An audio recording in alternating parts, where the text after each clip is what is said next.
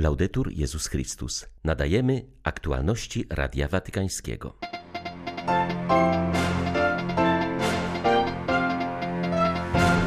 Niech Królowa Pokoju uchroni świat przed szaleństwem wojny, błagał dziś papież Franciszek. Do stron zaangażowanych w konflikt na Ukrainie zaapelował o powstrzymanie się od działań, które doprowadziłyby do dalszych cierpień ludności. Ojciec Święty rozpoczął nowy cykl kateches poświęcony starości. Młodych Polaków zachęcił do dialogu ze starszymi. Migracja i rola religii we współczesnym społeczeństwie znalazła się w centrum rozpoczętego we Florencji szczytu biskupów i burmistrzów z regionu Morza Śródziemnego. 23 lutego witają Państwa ksiądz Krzysztof Ołdakowski i Beata Zajączkowska. Zapraszamy na serwis informacyjny. Ojciec Święty wyraził ogromne zaniepokojenie z powodu dramatycznej sytuacji na wschodzie Ukrainy. Podkreślił, że pokój wszystkich jest zagrożony przez interesy partykularne. Środę popielcową Franciszek ogłosił dniem postu w intencji pokoju. O dramacie Ukrainy papież mówił podczas audiencji środowej. Była to pierwsza oficjalna reakcja Franciszka, odkąd w poniedziałek prezydent Rosji wydał dekret o uznaniu niepodległości separatystycznych, samozwańczych republik ludowych na wschodzie Ukrainy. Ojciec Święty wyznał, że z wielkim bólem w sercu śledzi pogarszającą się sytuację. Pomimo wysiłków dyplomatycznych minionych tygodni otwierają się coraz bardziej niepokojące scenariusze. Podobnie jak ja, wielu ludzi na całym świecie odczuwa lęk i niepokój. Po raz kolejny pokój wszystkich ludzi zagrożony jest przez interesy partykularne. Chciałbym zaapelować do przywódców politycznych, aby dokonali poważnego rachunku sumienia przed Bogiem, który jest Bogiem pokoju, a nie wojny, który jest Ojcem wszystkich, a nie tylko niektórych, który chce, abyśmy byli braćmi, a nie wrogami. Błagam wszystkie zaangażowane strony, by powstrzymały się od jakichkolwiek działań, które spowodowałyby jeszcze większe cierpienie ludzi, destabilizację współistnienia między narodami i dyskredytację prawa międzynarodowego. Papież odwołał się też do diabelskiego wymiaru przemocy, dlatego też zbliżającą się środę popielcową ogłosił dniem postu w intencji pokoju. Chciałbym zaapelować do wszystkich, zarówno wierzących, jak i niewierzących. Jezus nauczył nas, że na diaboliczny bezsens przemocy odpowiada się orężem Boga, modlitwą i postem. Zachęcam wszystkich, aby przypadająca 2 marca Środa Popielcowa była dniem postu w intencji pokoju. W szczególny sposób zachęcam wierzących, aby w tym dniu intensywnie oddali się modlitwie i postowi. Niech Królowa Pokoju zachowa świat od szaleństwa wojny.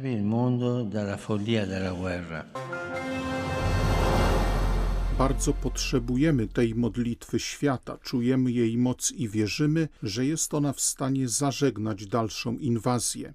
Wskazuje na to ojciec Paweł Tomaszewski, który jest proboszczem w Mariupolu. Jest to parafia leżąca najdalej na wschodzie Ukrainy. Skutki wojny ludzie cierpią tam już od 2014 roku. Wciąż pamiętają zapowiedź idących na miasto czołgów i to, że miało być wówczas oddane Rosjanom. Później sytuacja się uspokoiła, ale teraz wrócił strach i obawa o przyszłość, mówi ojciec Tomaszewski. Ludzie cały czas jakby się boją, że może znów powtórzyć się, że znów będą latały nad ich głowami te pociski, że artyleria będzie strzelała, bo to bardzo blisko. Sam front jest niecałe 20 km od samego miasta. Dlatego jest jednak ta obawa. Miasto funkcjonuje normalnie. Ludzie chodzą do pracy normalnie. Te działania Rosji, która doprowadziła do tego, że ekonomicznie bardzo wszystko wzrosło i ceny, i na paliwo, i w ogóle na żywność. I dla ludzi to jest bardzo trudno teraz to przetrwać. Ale nie można powiedzieć, że ludzie w bunkrach siedzą, że w ogóle nie mają co nawet jeść. Jest ciężko, tak, ale bardziej krytycznie jest na tych wioskach, co bliżej frontu, bo tam prądu nie ma, nie tam bardzo strzelają. Na ile się daje, to staramy się pomagać. Ja wierzę, ufaj, mam nadzieję, że nie będzie jakichś takich większych działań wojennych. Ojciec Tomaszewski podkreśla, że modlitwa za Ukrainę cały czas jest potrzebna. Dzięki niej mieszkańcy tego kraju nie czują się opuszczeni. Wiedzą, że są w sercu Kościoła idziemy szturmem na niebo, no błagamy, bo Już te 8 lat ludzie są strasznie zmęczeni wojną. Na tych terenach już nowa wojna to po prostu nas wykańczy. Miejmy nadzieję, że ta modlitwa, o której papież Franciszek no powiedział, że ona skutkuje tym, że nie dojdzie do nowej inwazji. Powiem tylko, że bardzo dziękuję za wsparcie. Naprawdę to, że i papież, i cały Kościół, i episkopaty różnych państw proszą o modlitwę za pokój na Ukrainę, to jest bardzo odczuwalne, zwłaszcza na wschodzie. Ludzie to czują, tą jedność Kościoła i odczuwają, że nie są sami, bo to jest najgorzej, kiedy wszyscy nas zostawiają i ufamy, że dzięki tej modlitwie całego Kościoła nie dojdzie do większego konfliktu, do większej inwazji. Starości jest darem dla wszystkich okresów życia, jest wyrazem dojrzałości i mądrości, powiedział papież podczas audiencji ogólnej. Franciszek rozpoczął dzisiaj nowy cykl katechez poświęconych ludzkiej starości. Zaznaczył, że w ostatnich dziesięcioleciach osoby starsze z racji swojej ogromnej liczby stały się jakby nowym ludem, narażonym często jednak na ryzyko wykluczenia. Kiedy starsi opierają się duchowi, grzebiąc swoje swoje marzenia w przeszłości, młodzi nie mogą już dostrzec rzeczy, które należy uczynić, by otworzyć przyszłość. Kiedy natomiast starsi przekazują swoje marzenia, młodzi widzą jasno, co mają do zrobienia. Młodzi, którzy nie badają już marzeń ludzi starszych, dążąc ze spuszczoną głową do wizji, które nie sięgają poza ich nosy, z trudem będą dźwigali swoją teraźniejszość i znosili swoją przyszłość. Jeśli dziadkowie zamkną się w swoich melancholiach, młodzi ludzie jeszcze bardziej zwrócą się ku swoim smartfonom. Ekran może pozostać włączony, ale życie zgaśnie przed czasem. Czyż najpoważniejszym następstwem pandemii nie jest właśnie zagubienie młodych? Starsi mają zasoby już przeżytego życia, do których mogą się odwołać w każdej chwili. Czy będą stać z boku i patrzeć, jak ludzie młodzi tracą swoją wizję, czy też będą im towarzyszyć, rozpalając ich marzenia? Co młodzi uczynią z marzeniami starszych? Na zakończenie audiencji papież Franciszek pozdrowił Polaków. Wśród nich grupę około 20 studentów z duszpasterstwa polonijnego działającego przy kościele świętego Stanisława w Rzymie. Zachęcił młodych do przyjaźni z osobami starszymi i czerpania od poprzednich pokoleń życiowej mądrości. E Serdecznie pozdrawiam polskich pielgrzymów, a szczególnie tu obecnych studentów.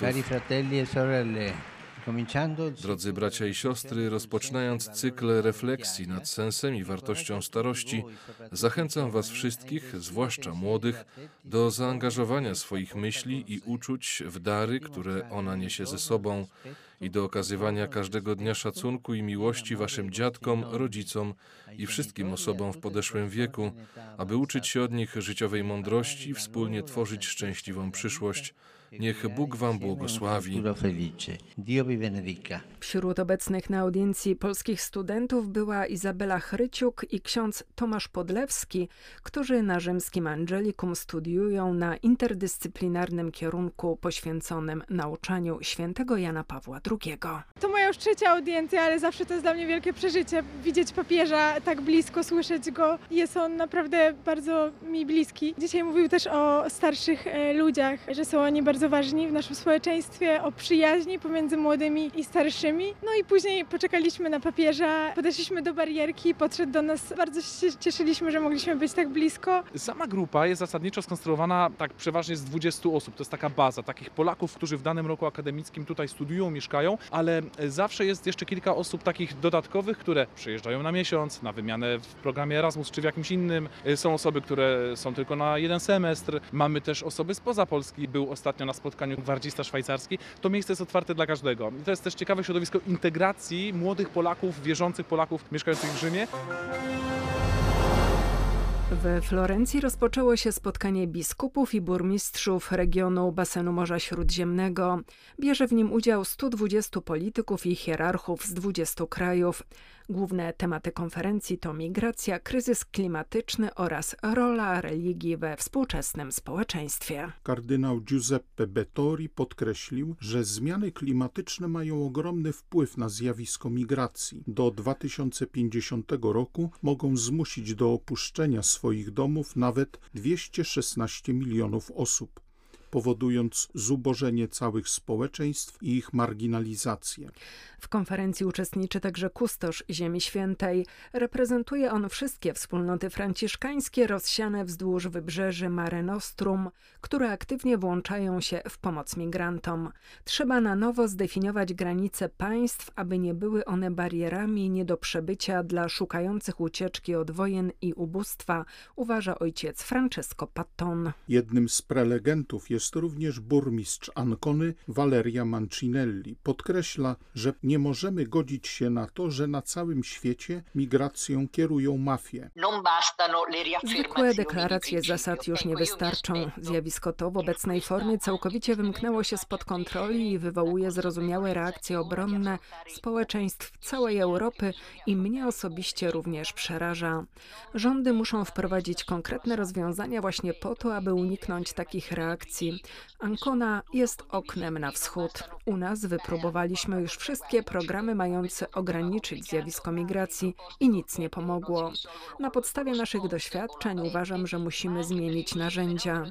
Przyjęcie migrantów musi być zaplanowane i usystematyzowane. Jeśli pozostawimy je w rękach przemytników, będzie tylko gorzej. Pomyślcie, jeśli nagle przybywa 3000 osób, a my nie mamy zapewnionego zakwaterowania, wolontariuszy, mediatorów i opieki medycznej. Jeśli tak się dzieje, to nie ma szans na prawdziwą integrację i pokonanie przerażenia ludzi, którzy żyją w miejscach docelowych migrantów. Abstrakcyjne nauczanie, jeśli nie idzie za nim praktyka, może przynieść efekt przeciwny do zamierzonego. Kolumbia zalegalizowała aborcję aż do szóstego miesiąca ciąży. Taki wyrok wydał Trybunał Konstytucyjny. Aborcja na życzenie jest niemoralna i brutalnie sprzeczna z życiem. Potrzebujemy solidarności, która pomaga wybierać prawdziwe dobro, oświadczyli kolumbijscy biskupi. Zmianę prawa przegłosowano zaledwie jednym głosem. Wyrok jest odpowiedzią na wniosek organizacji społecznej, która domagała się usunięcia aborcji z kodeksu karnego Kolumbii. Jak dotąd była legalna jedynie w przypadku zagrożenia zdrowia kobiety, gdy ciąża była wynikiem gwałtu bądź z powodu wady rozwojowej płodu. Po zapadnięciu wyroku episkopat oświadczył, że odmówienie ochrony życia od poczęcia jest obrazą godności ludzkiej i podważa podstawy porządku społecznego i państwa prawa. Kolumbia jest kolejnym krajem Ameryki Łacińskiej, który niedawno zliberalizował dostęp do aborcji obok Meksyku i Ekwadoru. Przemoc i głód dotykają Angolę. Kryzys społeczno-polityczny, pandemia oraz susze na południu kraju sprawiają, że życie tysięcy migrantów jest szczególnie trudne. Sytuacja jest zła dla wszystkich, ale dla uchodźców i imigrantów jest jeszcze gorsza, stwierdza skalabrynianka siostra Neide Lamperati, która od 11 lat pracuje z ofiarami wojen w tym kraju. Blisko 55 tysięcy z nich nie posiada dokumentów, stąd trudności w podejmowaniu pracy i otrzymywaniu pomocy socjalnej. Prawie połowa pochodzi z Konga, to w większości uchodźcy z czasów wojny domowej. Angola cierpi także z powodu nierozwiązanego kryzysu spowodowanego powracającymi od 9 lat suszami. W 2012 roku 20 tysięcy osób przeniosło się z tego powodu do sąsiedniej Namibii. Rząd nie interweniował, a efektem tego zaniedbania jest trwający do dziś głód w południowej części kraju. Ksiądz Jacinto Wakusanga od dekady niesie pomoc poszkodowanym, prowadzi dwie organizacje pozarządowe, które uczą miejscowych mężczyzn nawadniania i utrzymywania ziemi na poziomie zdatnym do uprawy. Pomoc jest jednak niewystarczająca z powodu ogromu problemów i braku strukturalnych rozwiązań ze strony państwa. Były to aktualności Radia Watykańskiego. Laudetur Jezus Chrystus.